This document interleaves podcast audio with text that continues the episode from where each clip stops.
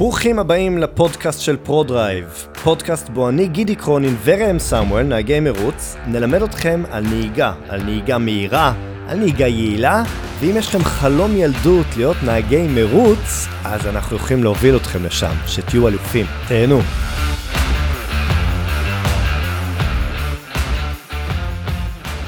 שלום וברוכים הבאים שוב לפודקאסט של פרודרייב. היום אני אהיה מול המיקרופון, רמי סמואל, שותף של גידי, יחד אה, אה, ייסדנו את פרודרייב לפני שבע שנים. בעברי היותר רחוק, אלוף צרפת פעמיים במרוצי מכוניות.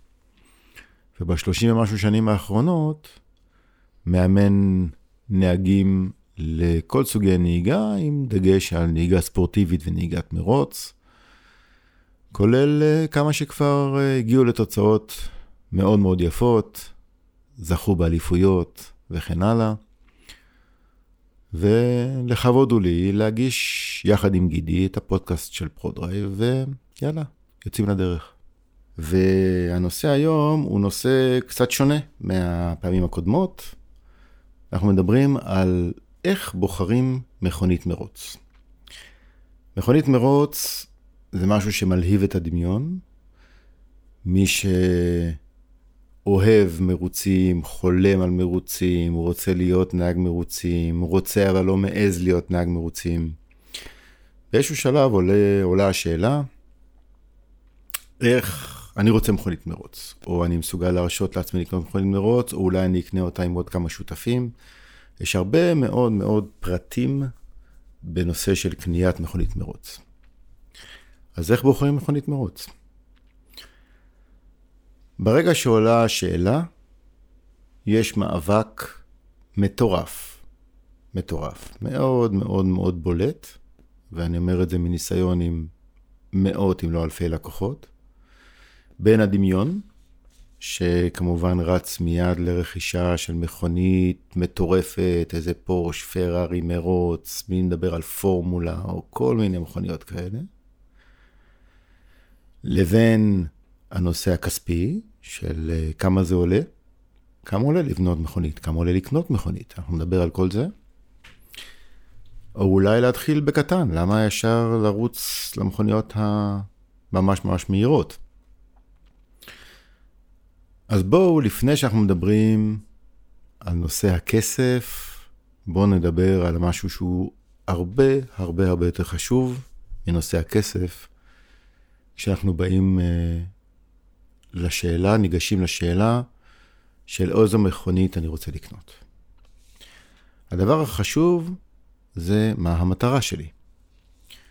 ואני אתן כמה דוגמאות. אני מכיר אנשים שבואו נדבר רגע על מרוצים בחו"ל, ששם יש לי המון ניסיון, באליפויות שהשתתפתי, באליפויות שניצחתי. נתקלתי בכל מיני סוגים של אנשים שקנו מכוניות מרוץ. יש כאלה שאומרים, אני רוצה את המכונית בשביל לשחק. אני לא מתיימר להיות נהג מי יודע מה, אני לא מתיימר לנצח מרוצים, אבל נורא בא לי לשחק. ואז השאלה היא, ממה אני ייהנה הכי הרבה? מה המשחק שאיתו אני ייהנה הכי הרבה? למה זה חשוב? כי אם אני רוצה להיות תחרותי, כלומר, אני רוצה לנצח מרוצים, אז זה כבר סיפור אחר. כי לא בהכרח המכונית הכי מהנה בטווח הקצר, תהיה המכונית שאיתה אני אביא את התוצאה הטובה יותר. ועל זה נדבר עוד מעט, איך אני מביא את התוצאה הטובה ביותר. כלומר, אני צריך להגדיר לעצמי האם ההנאה שלי זה מהנהיגה, מהרכב, מהכוח שלו, אה, מהזריזות שלו. אני יכול להגדיר לעצמי כל מיני דברים שהם מבחינתי הנאה ממכונית מרוץ, אבל, ואבל גדול, אם העניין הוא, אני רוצה להתפתח כנהג מרוצים, ואני רוצה לבחון את עצמי, ואני רוצה לאט לאט לשפר עמדות, ואולי, אולי גם לנצח, אז ההנאה תימדד בעצם במיקום שלי, בכמה הצלחתי להתפתח, באיך אני מתפתח כנהג מרוצים, איך אני ביחס לאחרים. כלומר, יש לנו שני סוגי הנאה שהם שונים וכמעט מנוגדים.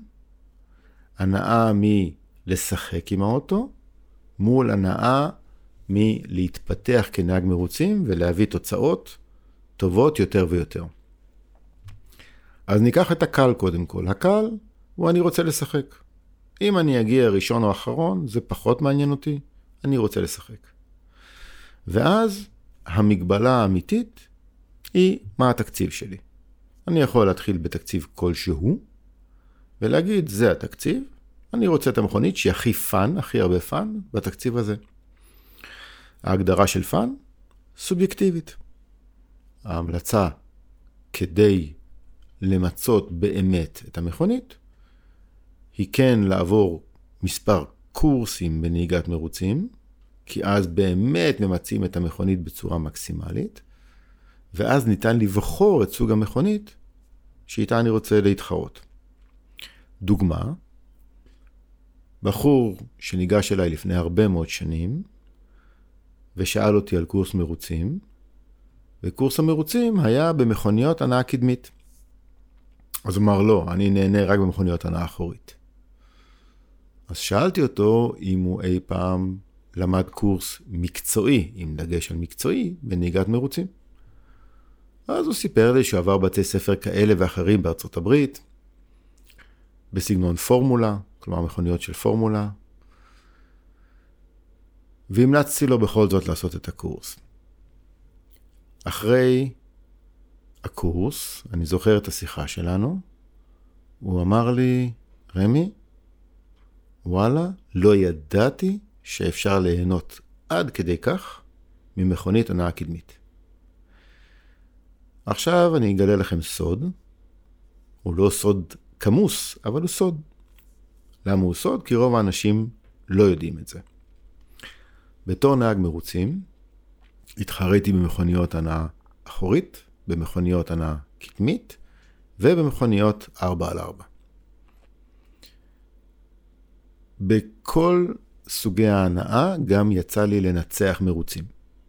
כלומר, מבחינת יכולות, ניצחתי מרוצים עם שלושת סוגי ההנאה. הדבר החשוב, ובניגוד למקובל ובניגוד למלא מלא דעות קדומות ששמעתי, הוא שאין כמעט כל הבדל בין הנהיגה בהנאה קדמית, אחורית וארבע על ארבע. זה לא שאין בכלל, אמרתי שאין כמעט.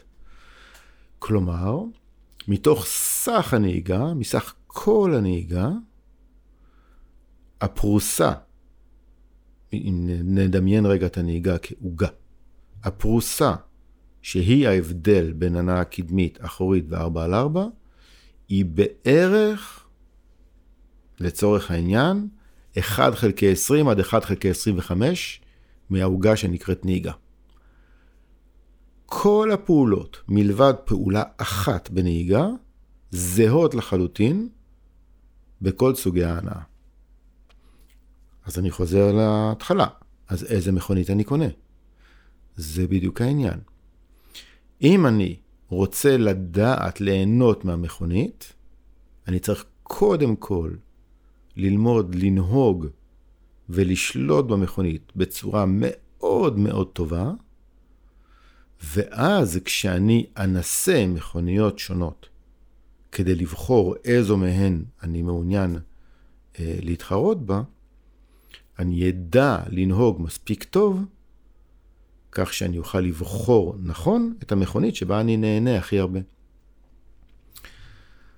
אז אה, בעניין הזה, הנאה זה לדעת לשלוט בכלי בצורה מאוד מאוד גבוהה, ואז אני יודע לבחור נכון. משול הדבר לאנשים ששואלים אותי על מכונית רגילה של כביש. שואלים אותי על דגם מסוים, האם זו מכונית טובה? אני את השאלה הזאת לא לגמרי מבין. כי מה זה מכונית טובה? יש מכונית שהיא טובה למישהו שיש לו משפחה עם ארבעה ילדים, חשוב לו מאוד שהיא תהיה גבוהה, עם הרבה מושבים והרבה מקום למטען בשביל הילדים. ויש מכונית טובה לנהג צעיר שהוא רווק, ומספיק לו מכונית עם שני כיסאות, מספיק לו גם כיסא אחד, אבל לצורך העניין אין כזה דבר, אז שני כיסאות, ואז היא טובה לו. אה, צעיר יעדיף מכונית נמוכה יותר לרוב, ומבוגר ירצה מכונית גבוהה, וכן הלאה וכן הלאה וכן הלאה. כלומר, כשאני רוצה לבחור מכונית, קודם כל אני צריך לבדוק מה, מה הציפיות שלי, מה אני רוצה מהמכונית. ועד כאן נגענו רק במידת ההנאה. אלא מה? רוב האנשים שניגשים למרוצי מכוניות, ההנאה לא מתבטאת רק בכמה אני יכול לשחק עם המכונית, אלא גם בעד כמה אני יכול להשתפר כנהג. וכאן זה מתחיל להיות קצת יותר מסובך. למה? אנשים שמתעניינים במכונית מרוץ, בלרכוש מכונית מרוץ, פונים אליי הרבה מאוד פעמים, והדמיון מתחיל לרוץ לכל מיני מכוניות מאוד מאוד חזקות, פרארי, פורש מרוץ, כל מיני כאלה. אם נשים לרגע בצד את נושא התקציב, שגם הוא כמובן מאוד משנה ונדבר עליו תכף, בואו נדבר על המכונית עצמה. נדמה לנו, ויש מחקרים בעניין הזה, לרוב הנהגים, רוב מכריע של הנהגים, נדמה שהם נוהגים מצוין. תעשו משאל. שאלו עשרה אנשים סביבכם, מה לדעתם רמת הנהיגה שלהם. רובם המכריע יאמר, להם שהם נוהגים, ש... יאמר לכם שהם נוהגים טוב או מצוין. יש אפילו מחקר די מצחיק, שקובע שיותר מ-80% מהאוכלוסייה מגדירים את עצמם כנוהגים יותר טוב מהממוצע, שמבחינה סטטיסטית זה לא יכול להיות כמובן. כלומר, כשאני ניגש ורוצה לקנות מכונית מרוץ, ואני רוצה גם לנצח מרוצים ולהתפתח במרוצים וכל הדבר הזה, הנחת הבסיס היא, והנחה שהיא שגויה, אבל הנחת הבסיס היא שאני נהג טוב. ואם אני נהג טוב, אני רוצה מכונית מאוד מאוד טובה. ואיך אני מגדיר מכונית מאוד מאוד טובה? לפי זה שיש לה המון כוחות סוס, לפי זה שיש לה שם עולמי, לפי כל מיני קריטריונים שהם קריטריונים, אני קורא להם מבחוץ. מה זה מבחוץ? עניין של תדמית. למשל, לפורש ולפרארי יש תדמית מצוינת בפני קהל הרוכשים. אתה אומר, אה, יש לי פורש, סימן שיש לי מכונית טובה. אלא מה? כשאני יודע לנהוג, ואני אפילו נהגתי מהר באוטובן בגרמניה 300 קילומטר לשעה, ונדמה לי שאני נהג ממש פצצה, ואולי ביליתי גם בשלושה מסלולים בחו"ל, ועשיתי שם fun מטורף, ועקפתי את כל החברים, זה עדיין לא אומר שאני יודע לנהוג מרוצים. בואו נשווה את זה רגע לטיסה. זה מאוד מאוד פשוט. אם אני מטיס כבר 20 שנה מטוסי נוסעים. מטוסים קטנים, מטוסים גדולים, כל מיני מטוסים. ואני מטיס מאוד מנוסה, ואני נחשב לטייס הכי טוב באל על. זה שיש לי המון המון קילומטראז' במטוסים. האם זה אומר בהכרח שאם ייתנו לי F-16 ביד, אני אדע לעשות קרב? כלומר, האם אני אדע לטוס טיסת קרב ב-F-16 בגלל שיש לי המון המון ניסיון בנהיגה, בטיסה, סליחה. ברור שלא. ברור שלא. אז בדיוק לפי אותה לוגיקה, זה שיש לכם אולי מכונית ספורט, או חבר שלכם השאיל לכם פעם את המכונית ספורט שלו, ונסעתם נורא נורא מהר, ונסעתם בטירוף, והרגשתם חזקים וגיבורים, זה בסדר גמור, אלא שזה לא אומר כלום ושום דבר ביחס ליכולות שלכם בנהיגה במכונית מרוץ. אז כשאני רוצה לבחור מכונית מרוץ, אני רוצה לבחור את זה בעצה של מומחים. מה זה עצה של מומחים? אם אני רוצה ללכת ללמוד ג'ודו, כשהמטרה שלי זה להגיע לאולימפיאדה. זו המטרה שלי. אני רוצה להגיע לאולימפיאדה. אני ילד בן 15-16 לצורך העניין, או 13 אולי, ואני, אבא שלי הולך יחד איתי למכון, ואנחנו אומרים, אני רוצה, המטרה שלי בסוף זה אולימפיאדה. אם אני רוצה באמת להגיע לאנשהו, אני אשאל מומחים שהגיעו לאולימפיאדה, או שמכירים, או שיודעים איך עושים את זה, והם יתוו לי את הדרך. הם יגידו לי, תשמע, בוא תלמד במכון X, תלמד את התנועות הבסיסיות. אחרי זה תעשה כל מיני קרבות ב... בין מכונים. אחרי זה תעלה לאיזושהי ליגה מסוימת. אחרי זה תעלה לעוד ליגה, ולאט לאט תתפתח. עד שתגיע לרמה שאולי תיגש לאליפות הארץ, משם תעשה את המינימום האולימפי, הדירוג שדרוש לאולימפיאדה, וכן הלאה וכן הלאה וכן הלאה. כלומר, אני לא אעז, אני לא אעז בשום צורה לקחת את הבן שלי שרוצה להגיע לאולימפיאדה, ואני לא אזרוק אותו ישר לגובה הארי לאליפות אירופה בג'ודו. כי יקראו לו את הצורה. אני אקח אותו ויעביר אותו את כל השלבים. אותו דבר כשאני קונה מכונית מרוץ.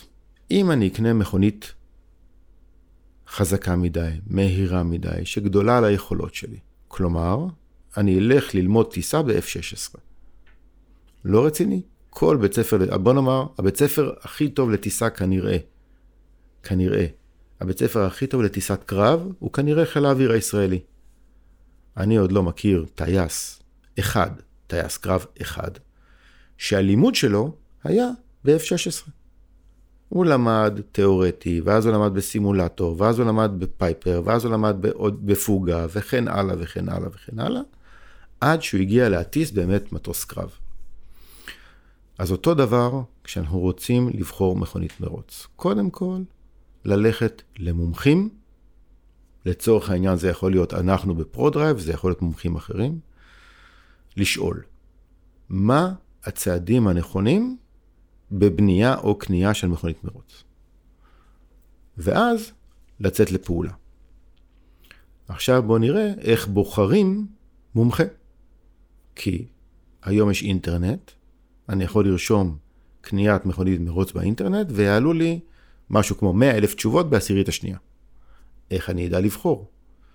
אם אני אבחר לפי מה שמופיע לי ראשון, שני, שלישי, רביעי, חמישי, בחרתי למעשה במי ששילם הכי הרבה לקידום השם שלו באינטרנט. כלומר, אני בעצם בוחר לפי יכולת השיווק ולא לפי היכולות האמיתיות.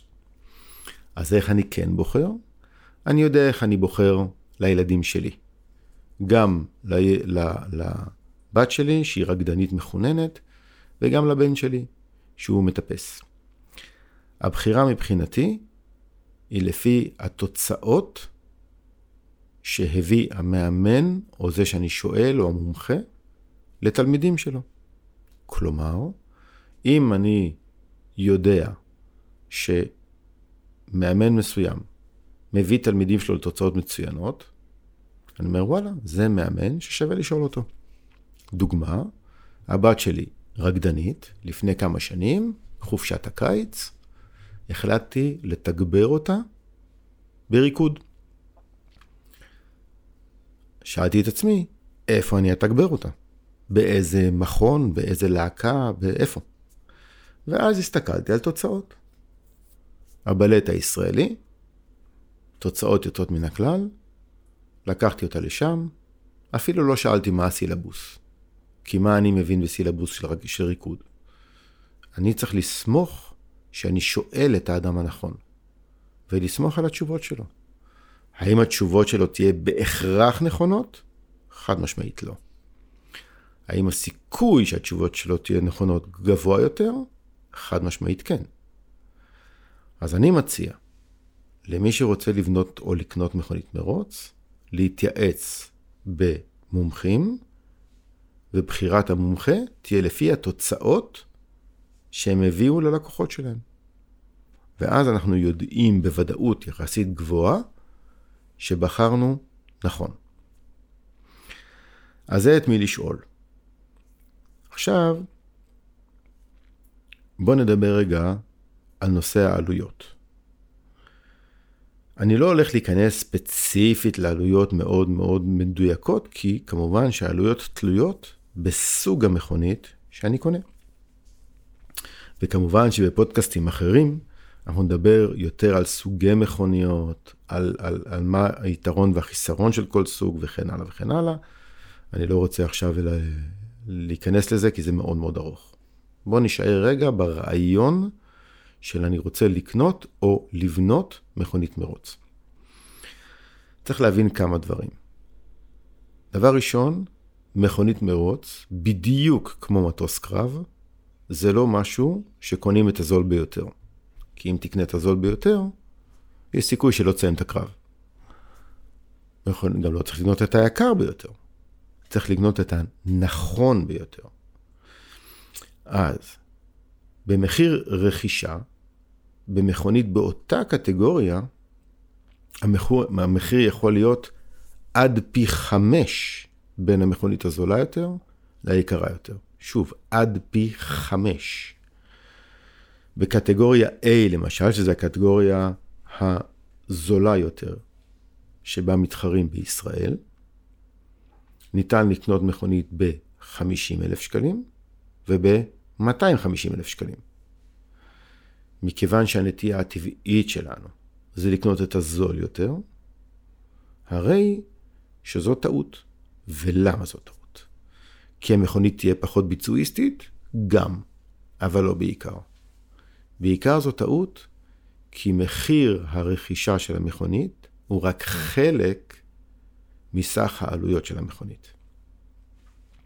כשאני רוכש מכונית מרוץ, אני רוכש מכונית אמינה או פחות אמינה, אני רוכש מכונית שהיא כמעט שלמה, ואני אומר לעצמי, אני אשלים אחר כך, ואז אני מגלה שההשלמה היא מאוד מאוד מאוד מאוד יקרה. למה? כי לרוב ההשלמה היא באזורים של הביצועים. באזור שבו צריך להשקיע יותר כדי לקבל אקסטרה. עכשיו, אני יודע שזה קשה קצת לקלוט, ושוב, נרחיב בפרק אחר את כל העלויות. אני רק רוצה רגע לציין איזה עלויות יש כשקונים מכונית מרוץ. קניתי מכונית מרוץ במחיר X. אני עכשיו צריך לקנות נגרר, או לצאת מהנחה שכל פעם שאני נוסע למרוץ אני אגרור אותה בעזרת אה, גרר אה, אה, ציבורי, פרטי. אני צריך לקנות, לקנות נגרר, אני צריך להתקין תפוח על הרכב הגורר, אני צריך לברר שיש לי רכב גורר, כי לא לכל רכב מותר לגרור. אני צריך לאחסן אותה, אני צריך לקנות חלפים ולאחסן אותם, למשל צמיגים אקסטרה, ג'אנטים אקסטרה וכן הלאה. רפידות בלם אקסטרה, אחסון של כל הדבר הזה. אני צריך לתקן אותה.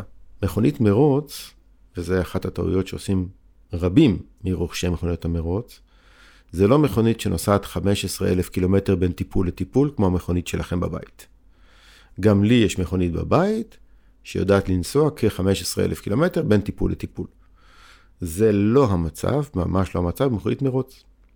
מכונית מרוץ, כמו מטוס, צריכה להיות מטופלת כל מספר קילומטרים נמוך יחסית.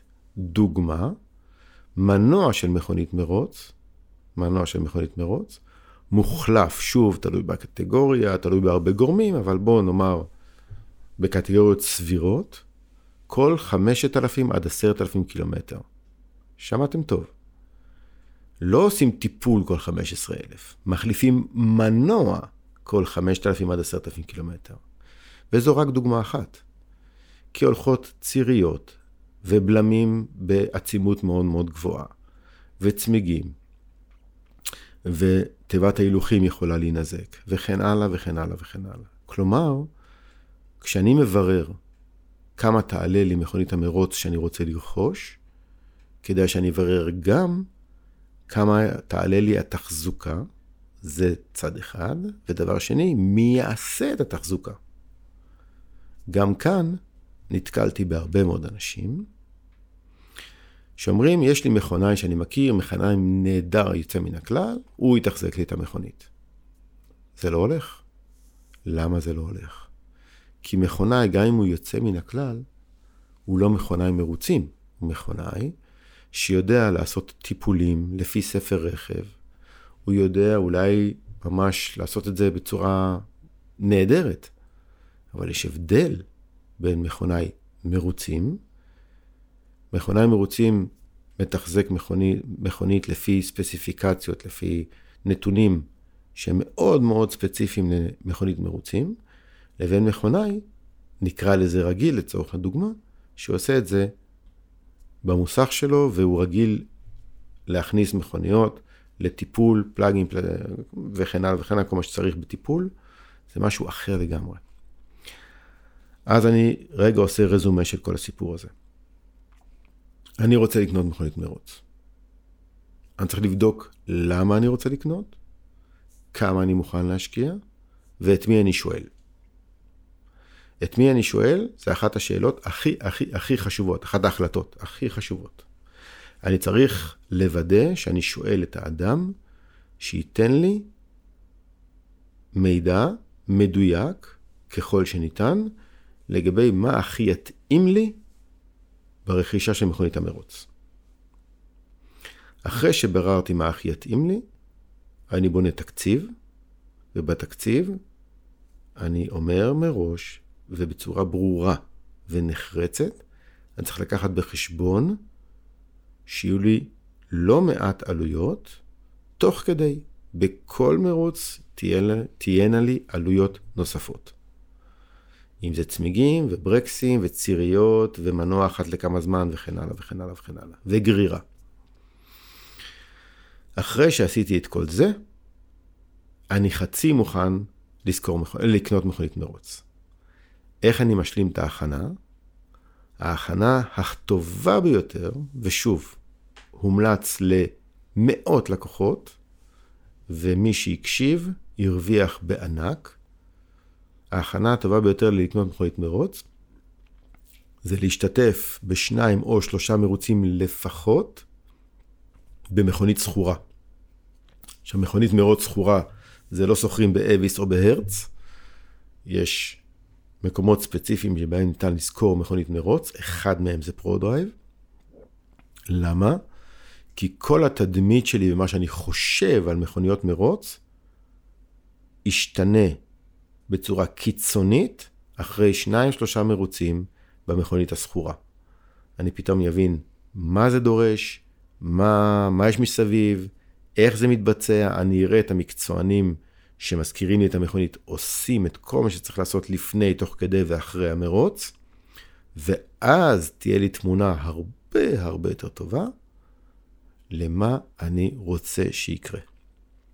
ושוב, מניסיון, אנשים שעשו כעצתנו, שכרו מכונית ואחרי זה קנו, הגיעו בסופו של עניין למשהו הרבה יותר מדויק ושלם, ואפילו בעלויות נמוכות יותר, מאשר אנשים שרצו לקנות מכונית ופשוט קפצו למים. אז איך בוחרים מכונית? כפי ששמתם לב, זה לא משהו פשוט, זה לא דקה וחצי של החלטה, זה לא רק תלוי באופי הארנק שלי והעומק שלו, אלא זה ממש תלוי במי אני, מה המטרה שלי, במי התייעצתי, ולעשות את זה נכון. המלצה מאוד מאוד גדולה. אנחנו לרשותכם, מתי שתרצו. יש לכם את כל הלינקים בהמשך העמוד, ואני הייתי ראם, או רמי, להתראות בפודקאסט הבא. תודה רבה על ההאזנה, אני יודע שנהניתם. למטה בציור תוכלו למצוא את הכישורים לאתר שלנו, לאינסטגרם, פייסבוק, יוטיוב, וגם את פרטי יצירת הקשר. ניפגש בפרק הבא, ועד אז, תהיו אנשים טובים, תעזרו לאנשים מסביבכם, ובעיקר כל יום תבחרו משהו אחד שאתם רוצים להתאמן עליו, ותתמידו בו כדי שתוכלו ליצור הרגל חדש, וככה תגיעו לפודקאסט הבא מוכנים לטיפ הבא. יאללה ביי.